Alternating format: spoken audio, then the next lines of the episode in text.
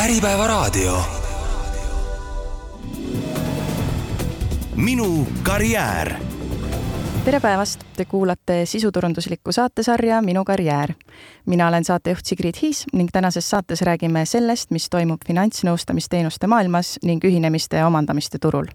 suur rõõm on saates tervitada Prudentia Tallinn juhtivpartnerit Illar Kaasikut, partnerit Indrek Uudekülli ning projektijuhti Tiina Sõber. tere! tervist! tere päevast! Räägime alustuseks sellest, mis tehinguturul praegu üldse toimub, mitmel sektoril on hetkel kehvasti. kas teil on selle võrra rohkem tööd? tehinguturul on alati muutusi. ja, ja kui nüüd tuletada meelde, et me oleme viimasel kahel aastal olnud äärmiselt volatiivses keskkonnas ehk Covidist läksime kiiresse inflatsiooni, inflatsioonist intressitõusu, sealt energiakriisi ja, ja sealt nüüd siis täna juba uude, uude normaalsusse, kus me enam-vähem teame, millised on tooraine hinnad, millised on, milline on raha hind, millised, milline on inflatsioon, inflatsiooni muutumise tempo, et, et siit on nüüd lihtsam edasi minna. Nende muutuste käigus on erinevad sektorid saanud erinevaid mõjusid ja ka kahe aasta jooksul need muutused olnud mm, hästi volatiivsed. Kui tuli Covid, siis me mäletame, et kõik tormasid metsa, hakkasid jalgrattaid ostma ja spordikaupade müüjatel läks väga hästi. kui Covid möödus, siis tuldi metsast välja, kontorisse tagasi ja, ja olukord muutus, ka nõudlus muutus sellega turul. nii et sektorite kaupa on olu, olukord väga erinev, et on võitjaid, on kaotajaid nagu alati ja kuidas teil, kas teil on ka rohkem tööd kaasnenud nende muutustega või on olukord jäänud näiteks võrreldes viie aasta tagusega, aasta taguse ajaga samaks? tööd on, tööd on alati palju. küsimus on, kas nende tehingutega jõutakse ka lõpuni, ehk siis kas tehing toimub.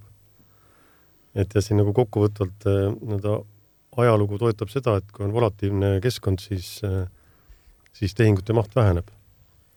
et viimase kahe aasta praktika on see, et paljud tehingud on, tehingute lõpetamine on edasi lükkunud. just selle ootuses, et mis, kuidas majanduskeskkond edasi liigub. ja, ja, ja seetõttu on jah, hästi palju edasi lükkunud tehinguid räägime, enne kui me päriselt teemasse sisse lähme, veidikene ka Prudentia ajaloost ja taustast mida kuulaja võiks teada? ettevõte saab sel aastal kahekümne viie aastaseks.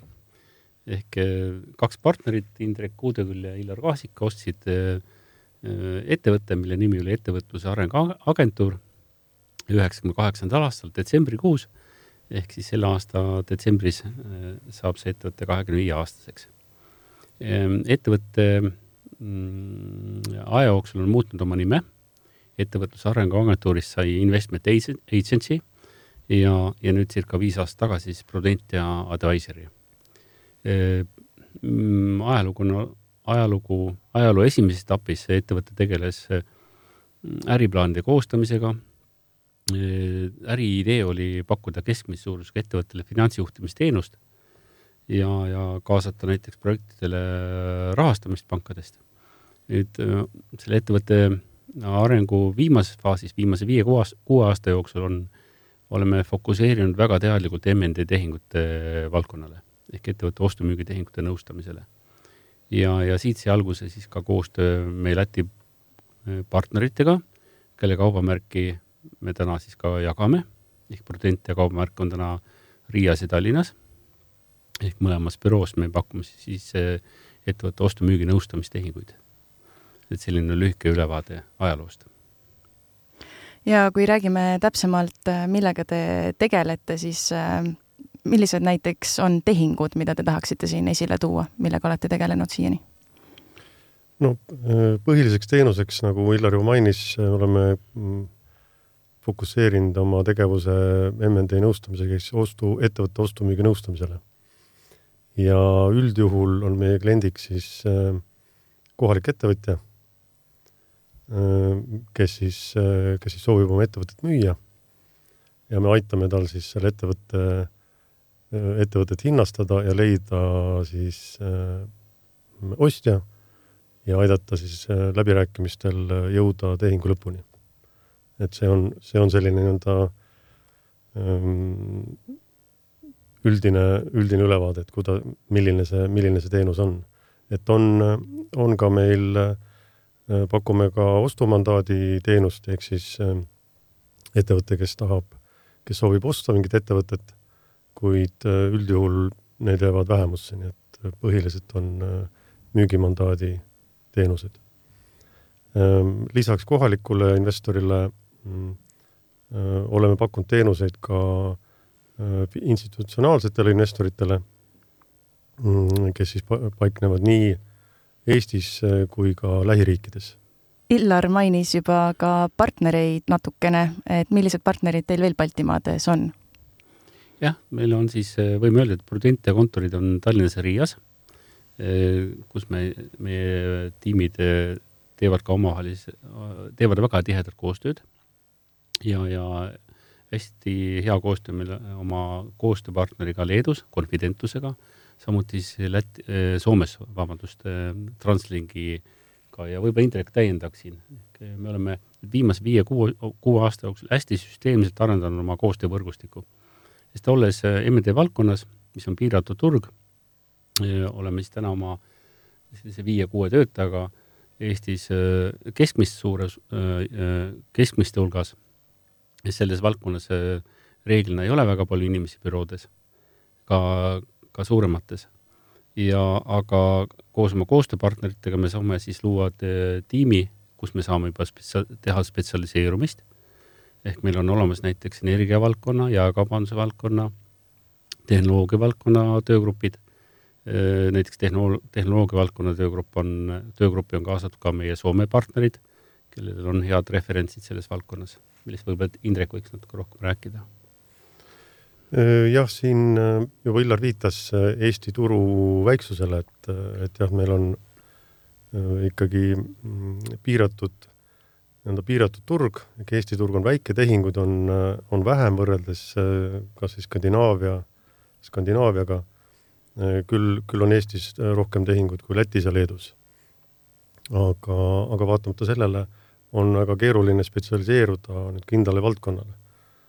Et seetõttu meie nii-öelda see kliendibaas on väga lai, alates põllumajandusest kuni eh, IT-tehnoloogiani tegelikult, kui vaadata meie referentse. et eh, jah, seetõttu see, mm, see koostöö nii-öelda välispartneritega on, on väga oluline, mis annab nagu täiendavat turuteavet, millised on tehingutingimused, kuidas liiguvad trendid Äh, kuidas hinnastatakse ettevõtet, äh, mis, mis turul üldse toimub, nii et läbi, läbi selle saame oma klientidele pakkuda äh, kvaliteetset teenust. me tuleme sellesse teemasse kindlasti ka saate teises pooles veel tagasi, aga meie saatesarja teemaks on minu karjäär ja küsikski nii, et ehk jagate ka enda karjäärilugusid Prudentias. Tiina, alustame teist. jah, mina olen siis Prudentias nüüd viiendat aastat Äh, alguses tulin siia analüütikuks ja siis alates eelmisest aastast äh, projektijuhina. Äh, kuidas, kuidas ma ütlen, meil nagu ka siin Illar enne mainis, meil on küllaltki väike meeskond, et siis see tähendabki, et igalühel on, iga, igaüks põhimõtteliselt tegeleb kõigega. aga samas on ka väga toetav on ka äh, väga rahvusvaheline meeskond, nagu ka Illar ja Indrek siin äh, varasemalt mainisid, meil on erinevad töögrupid äh, erinevate valdkondade lõikes, et selles suhtes on väga-väga põnev ja väga toetav alati. mis hetkel tekkis mõte liituda Prudentiaga või miks valisite just Prudentia? ma ütlen, et tegelikult see oli küllaltki kogemata, et äh, miks ma üldse kandideerisin Prudentiasse oligi, ma olin parasjagu lapsehoolduspuhkusel äh,, töötasin varem äh, varasemalt pangas ja oli äh, tunne, et tahaks midagi muud teha, natukene, natuke te teist laadi asja ja siis äh, kuidagi jäi see äh, Prudentia analüütiku positsiooni töökulutus silma, kandideerisin ja siis läksin. et äh, tagantjärgi öeldes ma arvan, et see oli väga õige otsus ja kuidas te enda karjääri kommenteerite, Indrek, Illar? Äh, noh, nagu Illar mainis, me mm, oleme siis äh, ettevõtte kaasasutajad ja noh, siin nagu suht-, äh, minu seisukohalt suhteliselt stabiilselt üle kahekümne aasta oleme selle ettevõttega tegutsenud. et eelnev, eelnev töö võib-olla, ise olen lõpetanud rahanduskrediidi eriala, nii et, et meil tegelikult kogu tiimi taust on ka finants, finantshariduse taustaga võib-olla.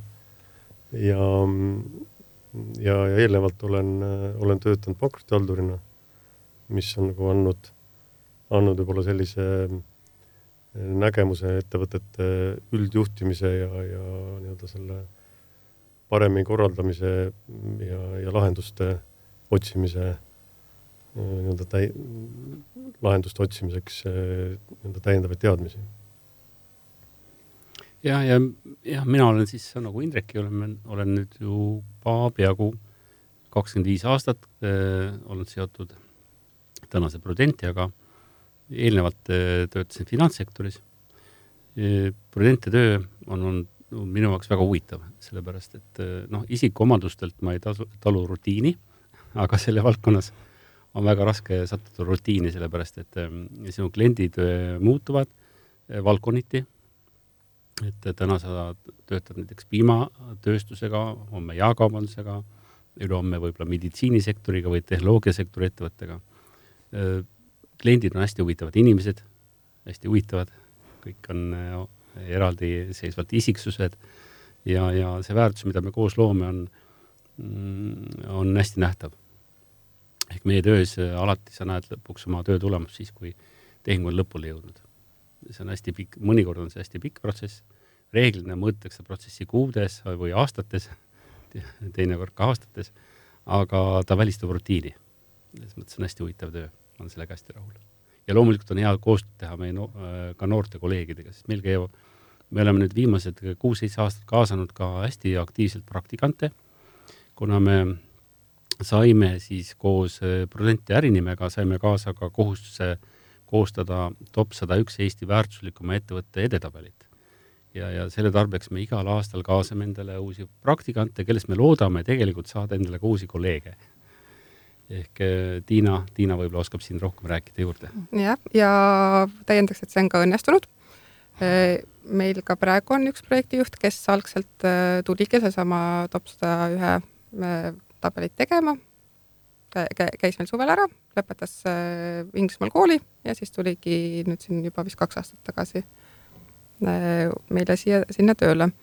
aga jah, mina olen praktikantidega tegelenud siin viimased neli suve, suve koos siis äh, Prudente ühe kolmanda partneriga. meie juurde kandideerivad ikkagi äh, enamasti kas finantsvaldkonna tudengid, äh, vahel on ka IT-sektori, IT-valdkonnast olnud, aga me konkureerime nii pankadega, Big Four ettevõtetega, ka fintech ettevõtetega, ehk siis see konkurents on päris, tugev ja ka meil on juhtunud see, et äh, see praktika, praktikant, keda me tahame, seda me ei saa. aga jah, üldiselt võib öelda, et äh, kõik need neli aastat, millega mina sellega tegelenud, tegelenud on, on alati väga põnevad ja huvitavad inimesed meile see kuidagi sattunud ja ka mitte ainult Eesti ülikoolidest. et meil on käinud äh, nii Riia, SSRI-ast, UK-st, meil on olnud kandidaate Amsterdamist, Rootsist et, et, selles suhtes igal poolt ja mida on, mis see tegelikult võib, võib-olla isegi on muutunud äh, võrreldes selle nelja aasta, aastase ajaga, ongi just see, et kui äh, lai on nende noorte kogemus, ka näiteks see, see aasta nägime, et äh, kui noh, intervjueerisime kuskil kümme kandidaati, et kõigil on mingi veebidisaini kogemus mida siin varasematel aastatel ei ole olnud, et kust see nüüd tuleb?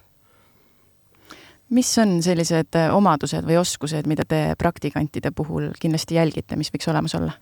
Äh, noh, olemas võiks olla see, et tal on ikkagi mingi äh, teadmine olemas äh, finantsvaldkonnast, et me ikkagi päris keskkoolist ei võta, et tava, tavapäraselt meie praktikandid ongi siis kas bakalaureuseõppes või siis magistriõppes, aga üldiselt, mille järgi me oma praktikandi valime, ongi, et kas on olemas loogiline mõtlemine, et me ei eelda, et tal oleks mingid väga süvateadmised ka MND valdkonnast, kas ta oma isiksuse omadusest ka võiks sobida, et jah, nagu siin ka varasemalt mainitud, see on, ei ole rutiinne töö. see on ikkagi mingi teatud omadused, mis sul peavad olema, sa pead olema julge, sa pead julgema küsida, sa pead suutma luua loogilisi seoseid, sa pead suutma suhelda inimestega. ehk, ehk pigem, pigem seda vaatame. et noh, mis me neile laseme teha, näiteks analüüsida ühte Äh, ühe ettevõtte bilansikasumi aruannet ja seal ka me, me nii väga ei vaata, et kas ta nüüd teab, mida iga see kirje seal tähendab või, või mis seal on, aga pigem, et kas ta oskab luua sealt äh, mingeid loogilisi seoseid. Et kui sa näed, et äh, käive, käive kasvab ja kasum või kahjum ka kasvab, et me, mida, mida sa selle kohta öelda oskad? Ja kuidas ähm, kas need praktikandid, kes teil on kandideerinud, kas enamjaolt nad ikkagi nagu kõik suures osas kvalifitseeruvad siis mingis mõttes, saavad nende ülesannetega hakkama või äh, on ka selliseid, kes äh, võib-olla võiksid kuskile mujale enda praktika kohta pigem vaadata kui, kui teie sektoris? Äh, te mõtlete siis konkreetselt kandidaatide yeah., kandidaatide osas? tuleb tunnistada, et on ka selliseid, aga üldjuhul selle me ikkagi suudame CV-de põhjal välja filtreerida mm ja siis äh, neid, neid me ei kutsu siis vestlusele. et äh, nende hulgas, kes on meil vestlusel käinud, on ikkagi, ma ütleks, et on kõik olnud sellised, äh, kes, kes kvalifitseeruvad ja, ja muidugi need, kes meil lõpuks on käinud siin suviti praktikantidele, need on kõik väga tublid olnud kui palju te juhatuse tasemel praktikantidega kokku puutute? enne mainisite, et teil on väike tiim, viis-kuus inimest vist, kui ma õigesti mäletan. kuueks, jah. jah, et äh, tundub siis, et praktikandid tegelikult ka puutuvad nagu teie juhatuse tööga igapäevaselt kokku? meil on avatud töökeskkond, et me suhtleme hästi tihedalt, üritame olla selline mõnus äh, ühine meeskond mm. ja võib-olla Tiinale nii palju lisaks, et hästi huvitav on vaadata, kuidas äh, äh, uued praktikandid tulevad äh, CV-dega, kus neil on kirjas ka see, et neil on koodi kirjutamise kogemus. ja no me oleme hästi palju lugenud seda, et, et ka sel aastal ai äh, teeb hästi suurt revolutsiooni maailmas ja muudab meie maailma, nii et me ei tea, kas meil on tööd enam viie-kuue aasta pärast. ja ega see ajakirjanikul, finantsspetsialistil, kunstnikul, mm, kirjanikul on tööd, me ei tea, maailm muutub hästi kiiresti ja, ja need noored saavad sellest maailmast paremini aru võib-olla kui meie, kes me siin oleme oma rutiinis ja, ja müüme näiteks ettevõtet, mis, mis tegeleb vana traditsioonilise teenusega. ehk, ehk see on hästi huvitav, et noored on jah, on hästi huvitatud uute teadmiste omandamisest, avatud selleks ja, ja lisaks on nii palju, et need praktikandid, kes satuvad siiski meie juurde, et pooled neist vähemalt on hästi teadlikud, teavad, mida nad tahavad näiteks M&A valdkond on, on, see on ju riskikapitali äri, riskikapitali valdkonna äri, see on hästi huvitav äri ja et kui sul on huvi selle vastu, sa valid teadlikult praktika kohaks Prudente või mõne analoogse ettevõtte. ja, ja ka meie, meil praktikal olnud noored on täna paljud Big Fouris tööl näiteks. ehk nad oma, oma karjääri alustades on teadlikult valinud sellise noh, eriala, võib öelda ehk siis noored toovad, kes praktikale tulevad, kaasa sellist äh, uut vaadet, värskust võib-olla ja, ja uusi teadmisi ka. jah, kokkuvõtvalt äh, võiks öelda nii, et jah, kui, kui vaadata kahekümne viie aasta tagust aega või kahekümne aasta tagust aega, et äh, millised olid äh, siis koolilõpetajad või siis äh, nende praktikale tulejad äh, tol hetkel, siis äh,, siis täna nii-öelda omades rahvusvahelist vaadet äh, kandideerivad meile, nagu Tiina ütles, ka Riia koolist ja, ja Euroopa koolidest. et see, see juba iseenesest on tõstnud seda taset äh, kõrgemale, et sealt tuleb kvaliteetsem, äh, kvaliteetsemad äh, üliõpilased, kellel on neid teadmisi rohkem. et meil isegi kohati äh, ei ole mulle tal sellele, kuna me teeme koostööd ka nagu, nagu te ütlesite, juhatuse tasemel ka ikkagi nii-öelda juhtkond ja ja töötavad kõik ühes, ühes ruumis, et teeme projekte koos et äh, ei pea äh, ette ütlema, kuidas ta peab tegema äh,. saab anda tööülesande, siis seda juhtida ja selle lahenduse ta suudab juba ise välja pakkuda täna. nii tehnilise poole pealt, isegi paremad lahendused võib-olla äh,. me ise oleme juba nii-öelda võib-olla teise, teise põlvkonna inimesed, nii et, et see see valmisolek ja kvaliteet on seal, on väga hea aga lähemegi tehingute teemasse tagasi ja enne kui äh, vaatame ees olevaid äh, tehinguid, siis äh, äkki räägite täpsemalt, millised on olnud sellised suuremad tehingud, mis te kindlasti tahate esile tuua nüüd viimaste aastate jooksul? Märt, võib-olla alustaks Mis Grupi tehingust, mille siis close isime ka kaks tuhat kakskümmend lõpus, kui ma õigesti mäletan. et see on selline väga hea näide partnerit, partnervõrgustiku koostööst ja olulise, olulisusest.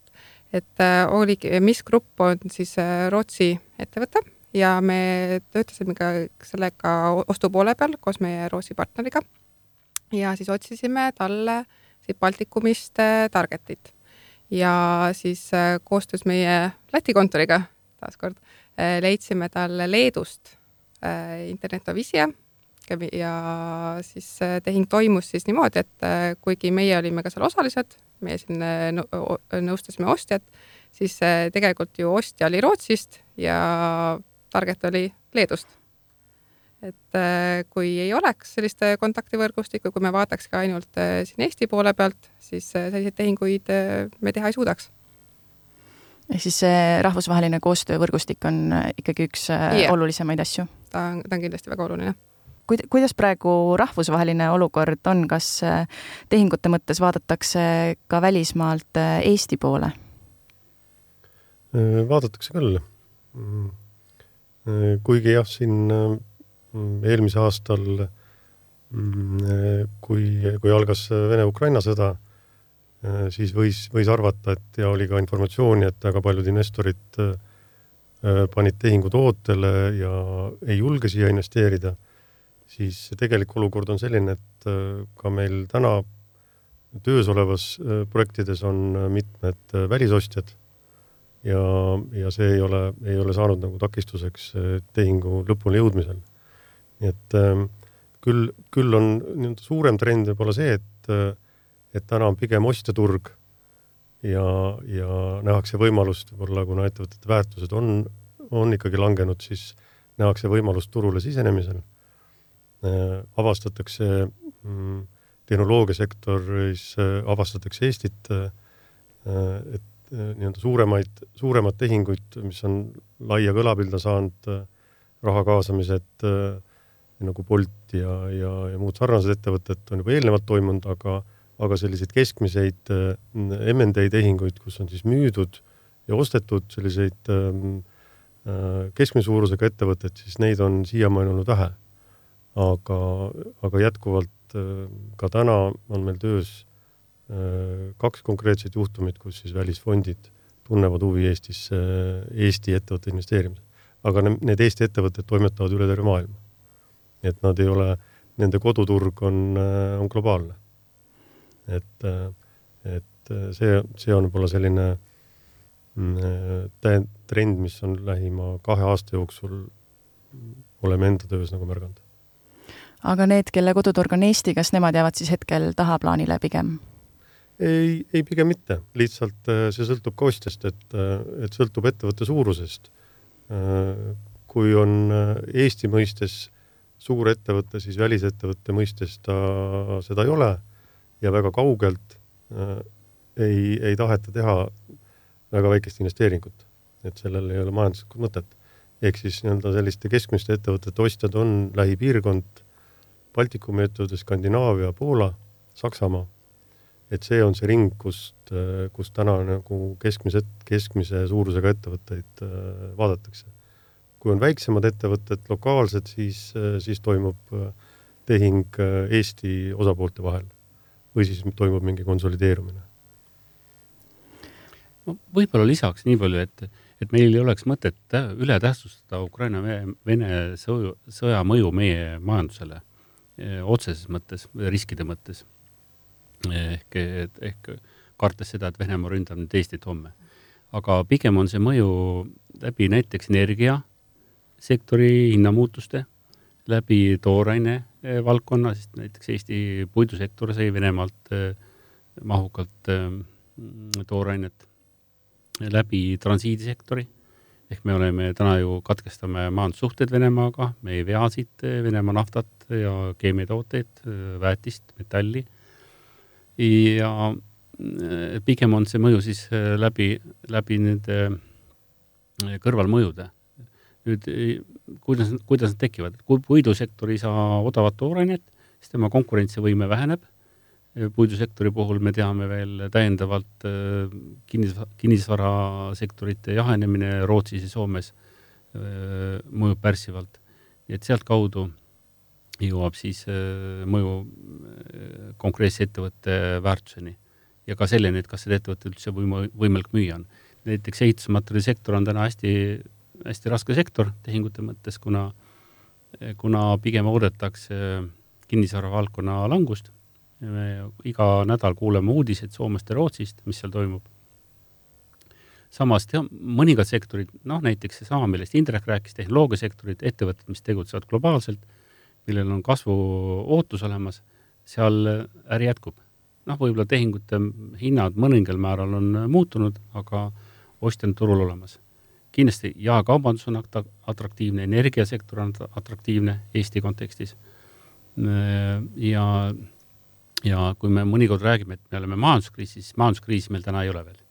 meil on riigis majanduslangus, kapitali hind on tõusnud, õnneks inflatsioon on pidurdumas, Covidi järelmõjud on noh, ka peaaegu lõpp, lõpufaasis ehk, ehk need probleemid, mis tekkisid logistikahelas Covidi ajal, kui terve maailma majandus korraks seiskus, ma tuletaks alati seda meelde, et see oli kaks aastat tagasi, see alles-alles, me oleme selle juba ära unustanud. Need mõjud Äh, globaalselt näiteks autotööstustele läbi selle, et kiipe ei saa, kiipide tarneahel äh, katkes. Äh, et see on alles sel aastal lahenemas, järgmisel aastal. et me tihti unustame ära, info tuleb nii kiiresti juba uus peale, et on unustatud, mis oli juba paar aastat tagasi, eks.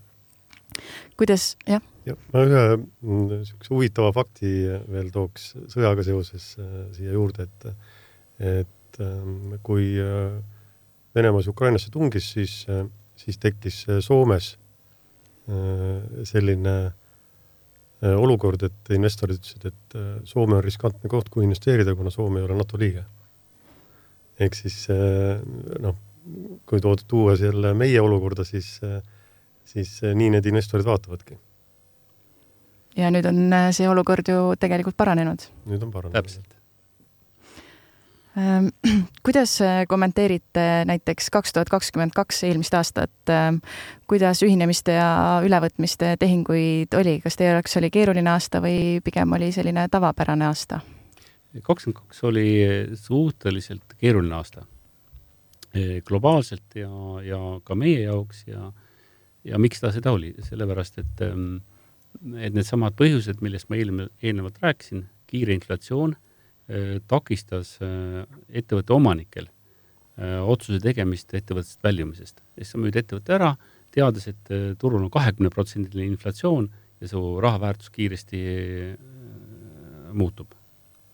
ja, ja loomulikult sa ei taha, ei taha tehingut lõpuni viia. ja ostjate poole pealt ähm, loomulikult, kuna terendas majanduskriis, siis Äh, kardeti mm, seda, et milline on ettevõtte tulevikuvaade. ja inflatsiooni mõju, intressi, raha kallinemise mõju, üldse raha kättesaadavuse mõju hakkas ka äh, turule jõudma juba eelmisel aastal, ehk see takistas siis teatud tehingute lõpuleviimist. nüüd huvitaval kombel, mitte huvitaval kombel, vaid täitsa loogiliselt sel aastal, kus enam-vähem me teame, et inflatsioon on vähenemas, intressitaseme osas keskpangad juba arutavad seda, ka täna arutatakse seda, Euroopa Keskpangas. et kas intressi ongi vaja tõsta või mitte, ehk intressitõus tõenäoliselt on peatumas.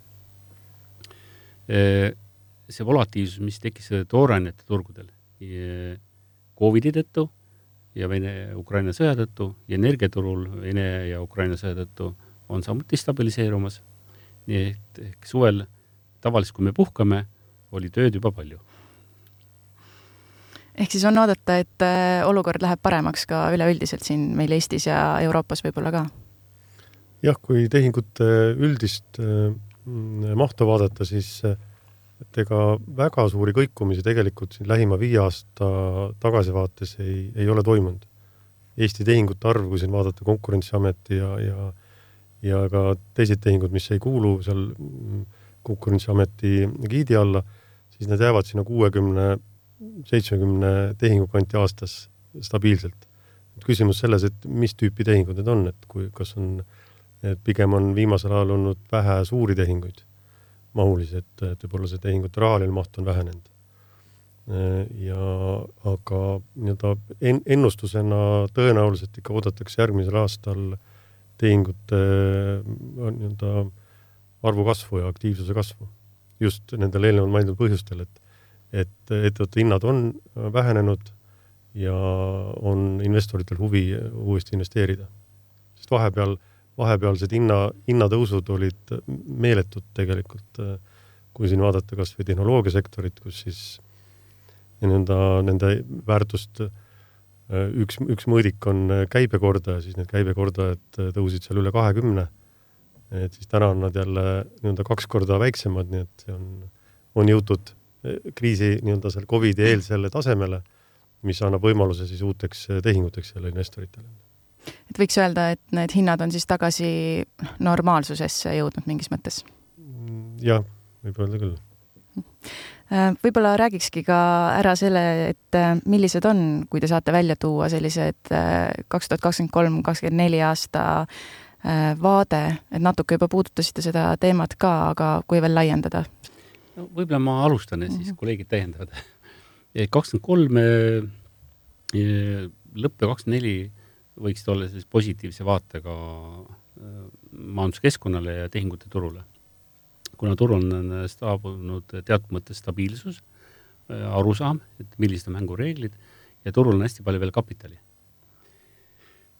mida on teenitud headel aegadel ja ka sel ajal, kui Covidi ajal trükiti hästi palju raha majandusse. Me teame, et eh, taustal nüüd raha hinna kasvu kõrval käib ka rahamassi vähendamine keskpankade poole pealt. ehk, ehk reaalselt me liigume selles suunas, kus raha pakkumine tõenäoliselt, tõenäoliselt turul väheneb lähiaastatel. ehk kakskümmend neli teine, teise poole aasta vaade edasi on hetkel minu arvates ebaselge, sest me ei tea kuidas keskpangad reageerivad võimalikele keskkonnamuutustele. Kui inflatsioon saadakse kontrolli alla, no siis räägitakse täna juba sellest, et võib-olla võiks hakata järgmise aasta teisel poolel ka intressi vähendama, aga nagu me teame, on selliseid äh, musti luike olnud kolm-neli tükki viimase kahe aasta jooksul. ja sellest tulenevalt äh, ei saa olla väga kindel noh, et, et kas turule tulevad uued muutused, mis keskkonda mõjutavad aga noh, kindel on see, et rahamassi vähendamine mõjutab olukorda. Tehingud, konsolideerimistehingud äh, äh, sektorites toimuvad, sellepärast ettevõtted tahavad kasvada, tahavad äh, suurendada efektiivsust. globaalselt on hästi oluline mõju nüüd ai, ai rakendustel, mis hakkab ettevõtete jaoks mille puhul üldse ka Euroopa ja globaalsel tasemel loodetakse uut majandustõusu. sest ai kasutatakse isesõitva auto tehnoloogias, meditsiinis haridusvaldkonnas äh,, no peaaegu igal pool. ehk tegelikult see tehnoloogia hakkab muutma meie, meie ümber maailma hästi kiiresti. ja kui eelmisel aastal ai-st räägiti seal tehnoloogia topis äh, no kümne hulgas olevast muutusest, siis sel aastal MND turu mõttes räägitakse sellest kui top kolmes olevast muutusest ja pigem jah, et lähima poole aasta jooksul positiivne vaade. Mida rõhutakse, et kui ettevõtte omanikul on äh, soov väljuda, siis äh, täna ta peaks hakkama rohkem tööd tegema, äh, kulutamaks ressurssi ette, ettevalmistusfaasi. ja, ja, ja rõhutamaks selleks, et aru saada, et kus on tema ettevõtte tugevused võimaliku ülevõtte jaoks. ehk ta peaks sellest rohkem aru saama, et ostjad turul jääb natuke vähemaks Äh, ostja võib olla mm, strateegiline investor või PE-fond, PE-fondidel on täna palju raha globaalselt ja selleks siis äh, tuleks teha eeltööd. mõnikord ka pool aastat, kuus, seitse, kaheksa kuud äh, varem alustada ei ole üldse halb mõte võib-olla räägimegi ka täpsemalt, meie saateaeg hakkab äh, varsti lõppema ja siia sellised praktilised näpunäited või, või ideed, et kui kellelgi ongi müügitehing parasjagu silmapiiril, siis mis on need sammud, millega üldse arvestada ja, ja kellele esimesena pakkuda, kas näiteks konkurendile? no kõigepealt peaks tänases olukorras arvestama sellega, et ostja on nõudlikum kui varem. ehk siis ostja eeldab seda, et, et tal on olemas kvaliteetne materjal, mille põhjal teha see otsus ja mm, müüja peaks siis sellesse protsessi minnes, peaks olema valmis vastama kiiresti, reageerima ja, ja see materjal peab olema kvali-, kvaliteetne, ehk see finantsinfo. Ehk siis kui, kui tava tavaoludes, äh, ütleme stabiilses majanduskeskkonnas on võimalik äh, tehingut ähm, analüüsida, läbi viia pikema aja jooksul, siis äh, tänases olukorras, kui saavutatakse hinnakokkulepe, siis on väga kriitiline see, et jõutakse tehing läbi viia hästi lühikese aja jooksul. et sinna jääks väga pikka aega, sellepärast et olukord võib ähm, kolme-nelja kuuga kardinaalselt muutuda. Ehk siis kvaliteetne info, mis tähendab seda, et müük peab olema Äh, ette valmistatud äh, juba, juba aegsasti, mitte hakkama mõtlema oma majapidamise korrastamisel siis, kui sinult küsitakse, äh, esitatakse tiidilist, et, et tutvuda ettevõttega.